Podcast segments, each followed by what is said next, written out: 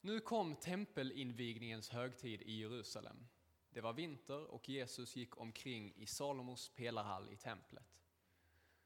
Då omringade judarna honom och frågade, hur länge ska du hålla oss i ovisshet? Om du är Messias så säg det öppet till oss. Jesus svarade, jag har sagt det till er men ni tror det inte. Gärningarna som jag gör i min fars namn vittnar om mig. Men ni tror inte för ni hör inte till mina får. Mina får lyssnar till min röst och jag känner dem och de följer mig. Jag ger dem evigt liv. De ska aldrig någonsin gå förlorade och ingen ska rycka dem ur min hand. Min far som har gett mig dem är större än allt och ingen kan rycka dem ur min fars hand. Jag och Fadern är ett. Så lyder det heliga evangeliet. Lovad vare du Kristus. Varsågoda sitt. Um, yes.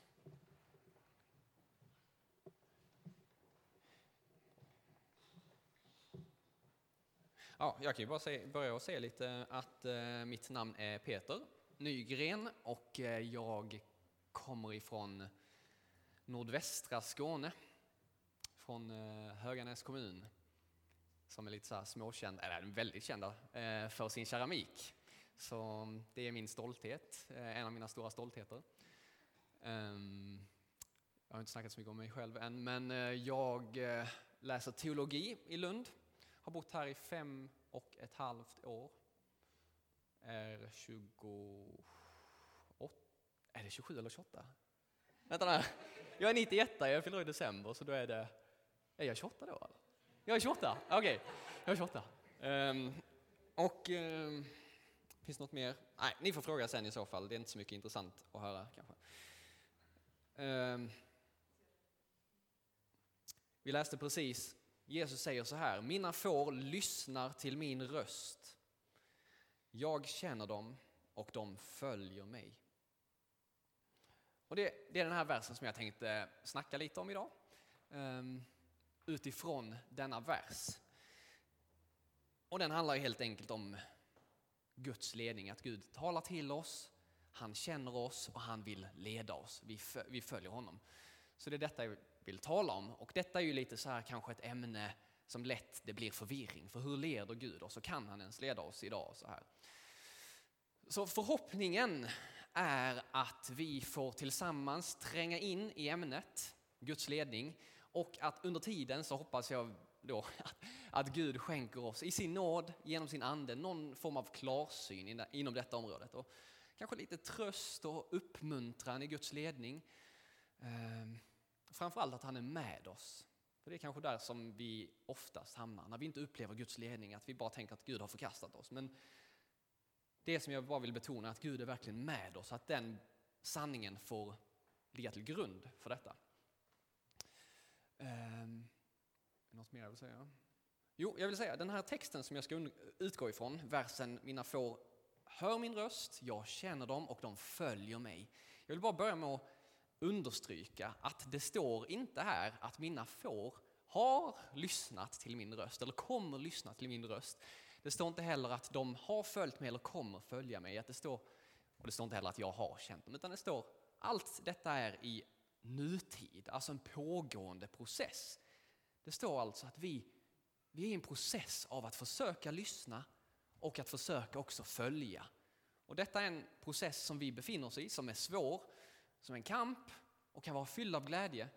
Och i denna processen så känner Gud oss. Han är med oss i detta. Så det vill jag bara börja med att understryka. Och jag tänker vi, vi, vi ber om att Gud får eh, skänka oss någon klarsyn i detta så att inte allt jag säger bara förvirrar utan att Guds ande får leda. Så här vi välkomnar dig.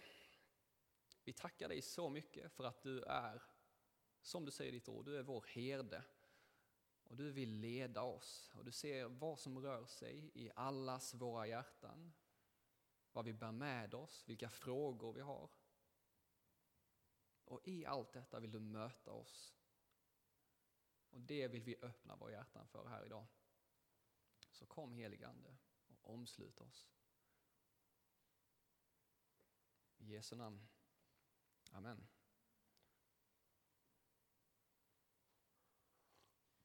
Yes, det är en väldigt enkel eh, struktur kan man säga. Så jag börjar nu tänkte jag med del 1 och det handlar om själva utgångspunkten och det är detta bibelordet som jag börjat med. Själva utgångspunkten, varifrån vi tar emot Guds ledning. Utgångspunkten. Och sen så del två handlar om målet, den riktning som Gud tar oss in i. När vi tar emot ledningen så leder han oss åt ett mål. Så det är andra delen. Så då börjar vi med del ett. Vi börjar från ett till två. Och då är det vår utgångspunkt. Och i texten, och precis som Mikael sa nu här precis, så talar Jesus om sig själv som vår herde. Och det säger väldigt mycket om vem Jesus är, vem Gud är, vem han vill vara för oss. Nämligen, han vill vara en som leder oss. Han vill vara en herde som, precis som herden förbarmar sig över fåren, så förbarmar sig Gud över oss. Och han vill också, när vi skingras, när vi är splittrade, så vill han samla oss kring sig själv. Och den här herden som Jesus beskriver sig vara är ju rätt så som ingen annan herde vi kan tänka oss, för han säger till och med att han, han ger sitt liv för fåren. Så han älskar verkligen oss. Och när vi känner att ja, men nu är jag helt borta från flocken, jag känner mig, jag har sprungit vilse och så här. Då är det också precis som Mikael säger, Herren, vår herde, följer, eller springer ut och letar efter oss till han hittar oss. Han söker oss alltid i sin brinnande kärlek för oss. Och för att sen också lyfta oss upp på sina axlar och bära oss in i flocken på nytt. Så det säger oss väldigt mycket om vem Jesus är och vill vara för oss. Och trots de här sanningarna så kan det vara svårt att ta till sig i sitt hjärta. Kanske någon mer än jag som känner igen sig i det, att jag kan hålla med. Jag kan väldigt lätt hamna i första delen av det här bibelordet som är vår utgångspunkt. Mina får lyssnar. Jag hör ett ord, Jesus du är min herde. Och så håller jag det lite på distans, på lite avstånd i mitt liv. Och jag tänker att ja, men det, det är sant. Det är en liten fin idé att du är min herde. Det blir som ett försanthållande, en åsikt om vem Jesus är. Men sen att verkligen ta det ner, låta det sjunka ner i mitt hjärta så att det formar mitt liv. Det präglar mitt liv, min vardag. Det kommer ju påverka hur jag relaterar till min omvärld, till människor, beslut jag tar, hur jag ber. Att Gud är verkligen min herde. Han vill relatera till mig så som en herde relaterar till sina får. Men det kan vara svårt. Och här kommer vi till den andra delen av ordet. De följer mig. Alltså vi, det här ordet som vi lyssnar, det följer vi. vi. Vi låter det forma våra liv. Men här kommer det till det som blir lite utmanande och rent av läskigt. Eh, att leva i den här processen. För det kan ju vara svårt att ta till sig och verkligen börja leva efter de här orden. Och det som är då väldigt, väldigt vackert, tycker jag, och stort är att den här processen som jag nu beskriver, att vi är i en process av att lyssna till Jesu ord och också försöka låta detta forma våra liv, ta till oss det på riktigt. Samma process var Jesu lärjungar i för 2000 år sedan. Så vi är precis Jesu lärjungar så som Jesu tolv lärjungar. De var också i en process av att lyssna till Jesu ord, ta till sig det och det stod att de ofta inte förstod vad han sa. Ofta så trodde, tvivlade de väldigt mycket på det han sa. Ofta de till och med misslyckas. Och de är som det här fåret, som, de, de skingrades. Och han som den gode herden samlar ihop dem, han upprättar dem när de misslyckas. Och det är en enorm tröst för oss i den processen som vi också är i, att lyssna och följa. Som jag personligen ofta misslyckas i. Ja.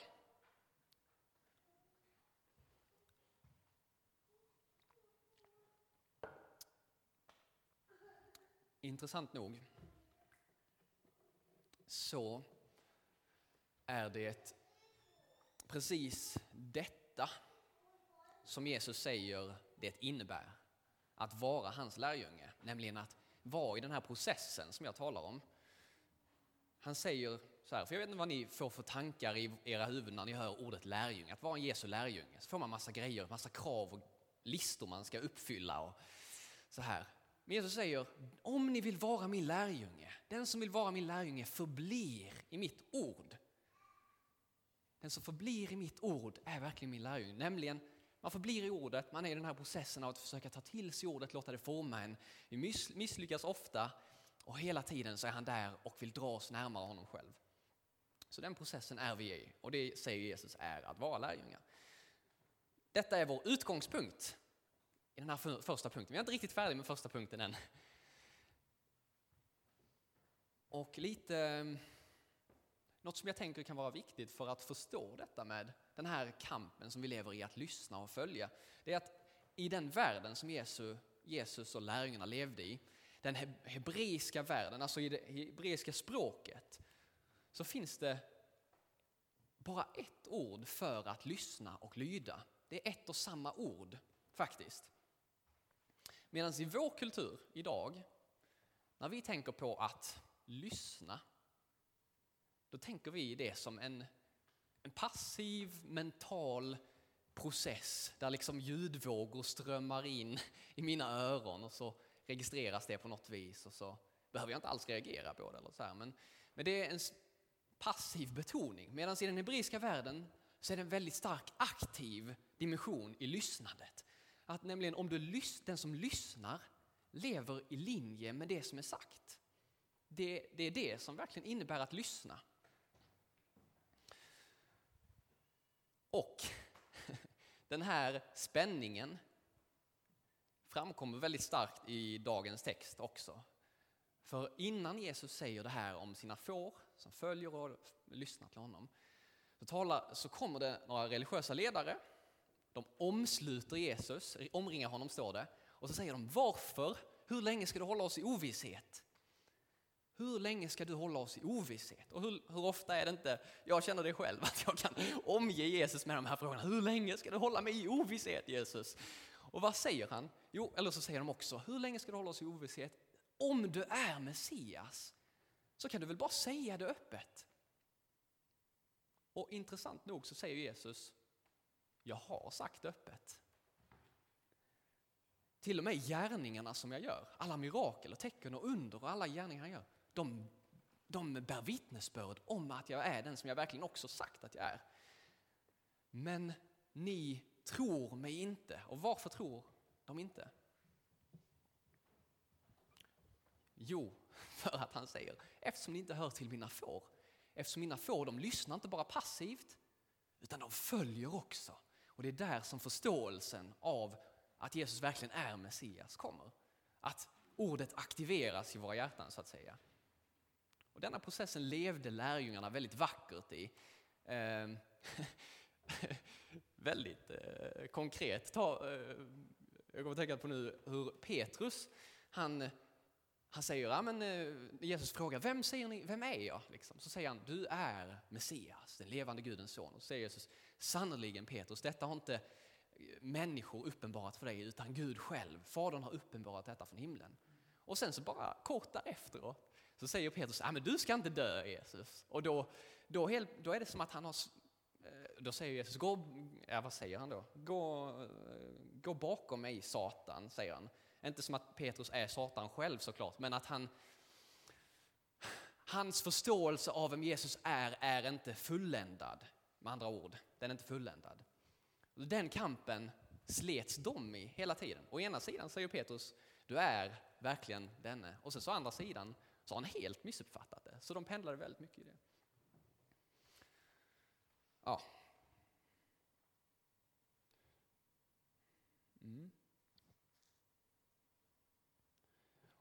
Och jag vill säga en sak till om den här utgångspunkten, nämligen att vi lyssnar och vi är i en process av att försöka följa detta också.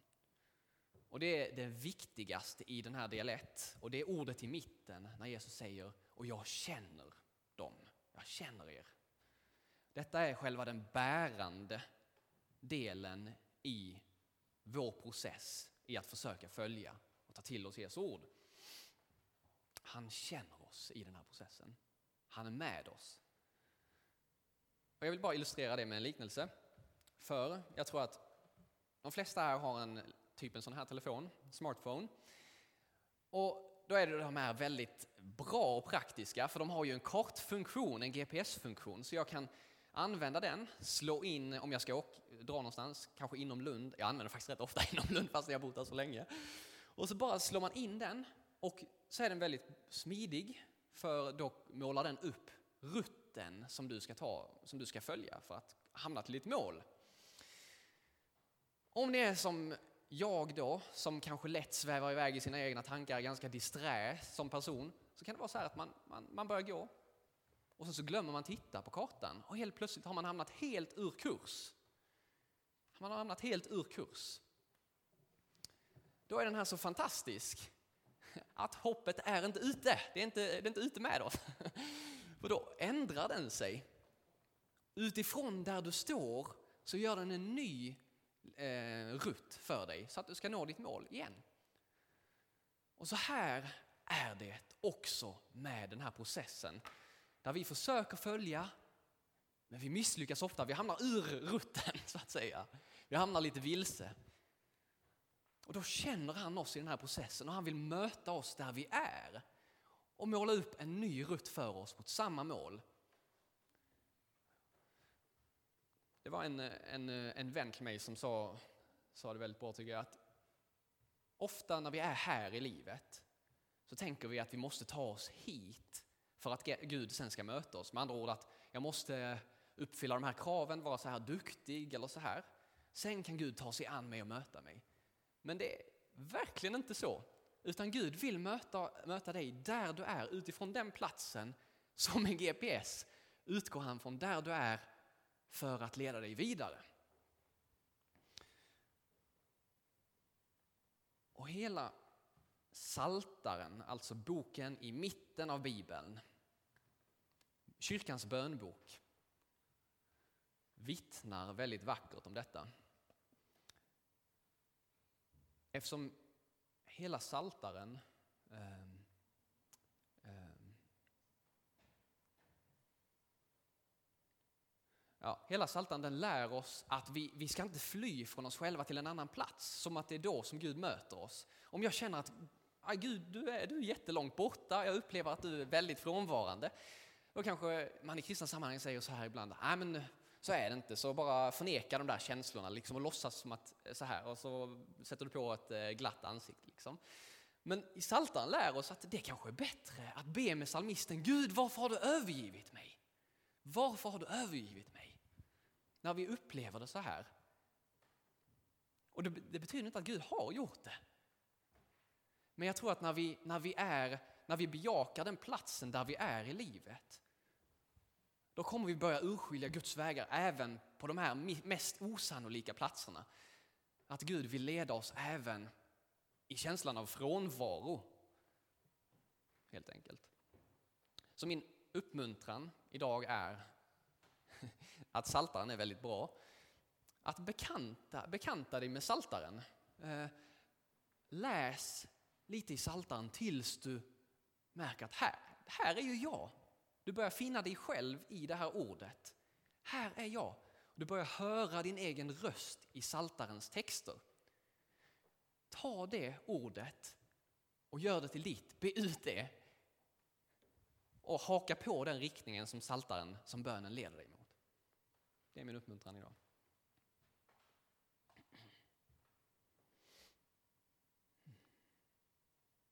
Okej, så det var del ett, utgångspunkten. Ehm, den plats varifrån vi tar emot Guds ledning. Att vi ska inte fly från oss själva utan Gud vill möta oss där vi är för han känner oss, han är med oss. Och därifrån vill han leda oss mot ett mål. Och då har vi punkt två, målet. Vad är målet? Och detta är någonting som kanske kan vara lite så ämne till förvirring. För var leder Gud mig? Vart leder Gud mig? Och detta är egentligen, jag kanske är rätt så, jag vet inte, rätt så rak. Men jag skulle säga att det, det är, detta är ett enkelt svar eftersom Gud leder oss alla mot samma mål. Och jag vill berätta detta med, för några, flera år sedan tillbaka så bodde jag i Helsingborg. Jag bodde i ett kollektiv tillsammans med några vänner. Och så var det en tid där jag ställdes inför ett vägval. Det var tre olika riktningar som jag stod inför. Och så var jag så här, men okej, det är väldigt viktigt att det hamnar rätt nu, tänkte jag. Och så, och så tänkte jag, men nu ska jag, jag ska verkligen söka dig Gud i detta. Att du får tala till mig om den väg jag ska gå. Säg till mig den planen du har för mig så att jag vet vart jag ska gå. Ni hade mycket fokus på mig själv. Det var så. Det är det, det är det jag vill komma till också. Så jag gick in i en period av bön och jag fastade till och med. Jag tog detta väldigt seriöst, att nu ska Gud tala till mig. Och så under den här tiden, processen, så en kväll så hängde jag då med de som jag bodde med. Och så ber vi lite tillsammans den kvällen och så är det en av mina vänner, han, han ber en bön för mig personligen och så säger han något i stil, han säger så här, ehm, jag ber, eh, Gud, jag ber att under den processen som Peter är i nu, att han ska söka ditt ansikte. Och när han sa det, då blev jag så här bara, det högg till i mitt hjärta och jag bara, hallå, jag fastar, jag ber om Guds ledning. Det är klart jag söker hans ansikte. Men det högg till i mitt hjärta, verkligen att han sa det. Och jag förstod inte att detta var någonting som Gud talade genom honom personligen, något som jag behövde höra. Vi talade inte om detta. Men det stannade kvar i hjärtat. Och dagen efter på morgonen så är jag själv hemma. Jag eh, tänker, okej, okay, nu kör vi Gud. Nu ska du tala om för mig vilken väg jag ska gå. Ehm, och jag sätter igång eh, lite musik, jag har en spellista med lovsånger som jag trycker på eh, slumpmässigt. Och så första låten som kommer upp heter Seek your face. Heter den. Och så tänker jag så här bara, ah, det var ju, just det, det var ju det som eh, Marcus, min vän, sa till mig. Men nej, det kan ju inte betyda någonting. Eller så här. Hur som helst, jag tar upp min bibel, läser dagens saltarsalm som jag var på, psalm 27. Jag börjar läsa den, så hamnar jag till när salmisten säger Jag tänker på ditt ord, Gud. Sök mitt ansikte. Och så säger salmisten, ja Herre, ditt ansikte söker jag. Och så tänker jag, jaha. Och så kommer en ny låt och den handlar också om samma grej. Jag kollade upp, jag hade faktiskt skrivit ner detta, så jag hämtade, hittade en gammal bok när jag skrivit ner om detta. Och det var väldigt många så här på rad som bara handlar om sök Guds ansikte, sök mitt ansikte. Och jag var så här lite så här, jag var förvirrad för jag tänkte, ja men Gud, jag gör ju detta, hallå jag fastar och ber. Vad gör jag? Söker jag inte ditt ansikte nu? Men så bara slog det mig som en blixt från himlen. Och Det var en, en bön som jag hade burit med mig under flera år men hade glömt bort.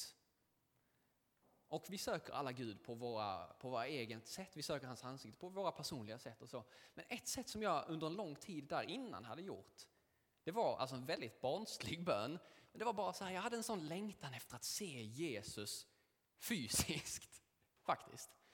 Bara, Jesus, kan du inte bara visa dig rent fysiskt för mig? Att jag får se hur det ser ut här och nu.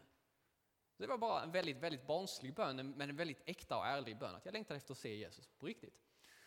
Så bara tänkte jag, ja det var ju faktiskt mitt sätt att söka Guds ansikte. Men nu är jag väldigt intresserad av bara min väg som jag vill gå. det var som att jag hade glömt Gud på vägen. För att jag var så inriktad på vilken väg ska jag gå? Och så bara i lite så här stapplande osäkra steg så blir det som att jag vänder mig till Gud och säger Ja, eh, Jesus, vill du inte visa dig för mig? Så här. Och då upplever jag hur rummet fylls med välbehag. Och jag, jag känner också hur, hur Gud ler, det är som ett Guds leende över mig. Och så hör jag tydligt i mitt hjärta, jag har saknat den bönen. Och ni kan förstå att då brister det för mig. För jag inser att det är ju detta, jag har glömt Gud. Jag har glömt Gud, jag har varit så inne på min egen väg. Vart är det som du har mig? Jag har glömt vad som är mitt riktiga mål. Nämligen Gud själv. Det är Gud själv som vi är skapade för. Han är, som Jesus säger, jag är början och jag är slutet. Med andra ord, du är skapad genom honom, genom Jesus själv. Han är orsaken till att vi finns till. Och vi är skapade, han är slutet, han är också målet med vårt liv. Vi skapade för att leva i gemenskap med honom. Och där var det som att jag bara, jag blev connectad med detta på nytt och hittade hem eh, på nytt. Och detta är ju såklart en kamp. Det är någonting som jag fortfarande brottas med, att man, man hamnar i sitt eget, man navelskådar, navelskåderi liksom. Vilken väg är det som, du går, som jag ska gå? Så. Men, men att det är detta som är det viktiga. Eh, intressant nog också, fa, eh, faktiskt, så jag kommer ihåg att under det här, det var som att eh, jag bara funderar. Jo, men ja, jag säger.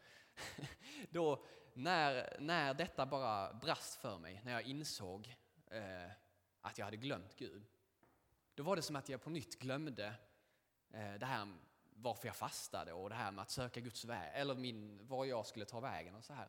Och där faktiskt, då talar Gud väldigt tydligt om den väg jag skulle gå. Eh, och ibland så är det så, ibland så är det inte så. Där så var det väldigt, väldigt tydligt. Och poängen jag vill säga är att vi ska först söka Guds rike, först söka honom och det andra följer efter.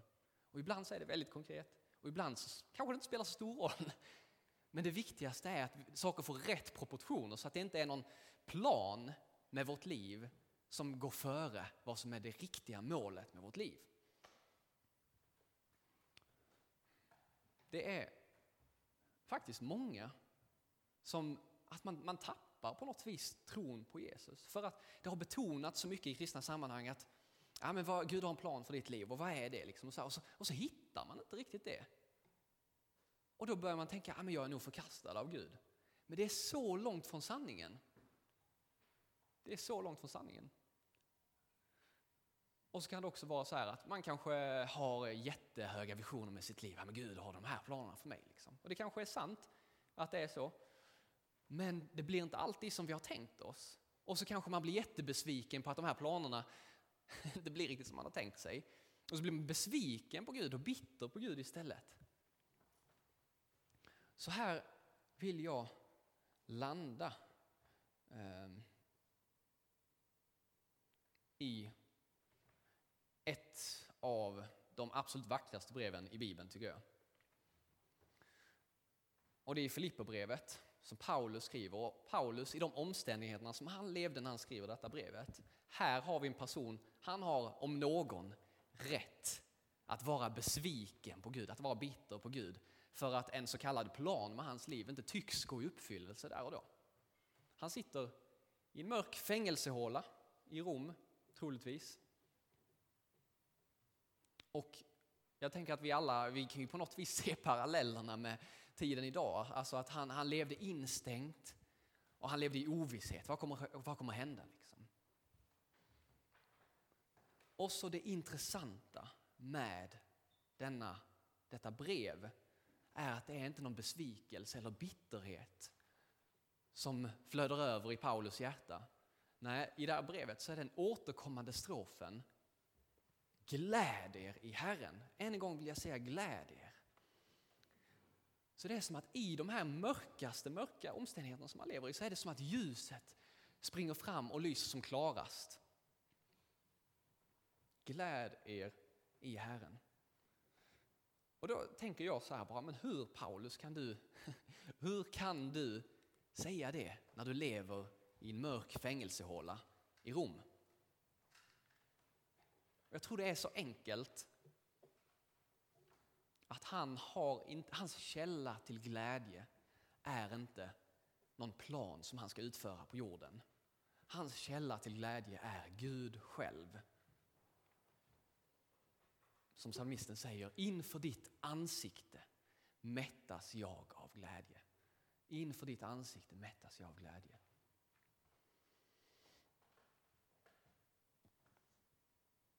Jag tänker eh, avsluta med att läsa några ord från Filipperbrevet som Paulus skriver här. Och jag tänker att vi, vi får ta emot de orden i, i bön, att Gud han talar detta in i vår tid, in i våra hjärtan som en uppmuntran. Och, och Gud talar inte detta på ett anklagande sätt överhuvudtaget när han uppmuntrar oss till att glädja oss i honom. Utan det är snarare att Gud talar, han inbjuder oss in i hans närvaro, att saker ska få sina rätta proportioner på nytt. Att vi är skapade för honom. I de här konstiga omständigheterna vi lever i så känner han oss som herden känner sina får. Och han vill möta oss precis där. Och han vill leda oss djupare in i hans närvaro. Så jag läser från Filipperbrevet 4 och eh, så ni får ta emot det i bön så vi stillar oss.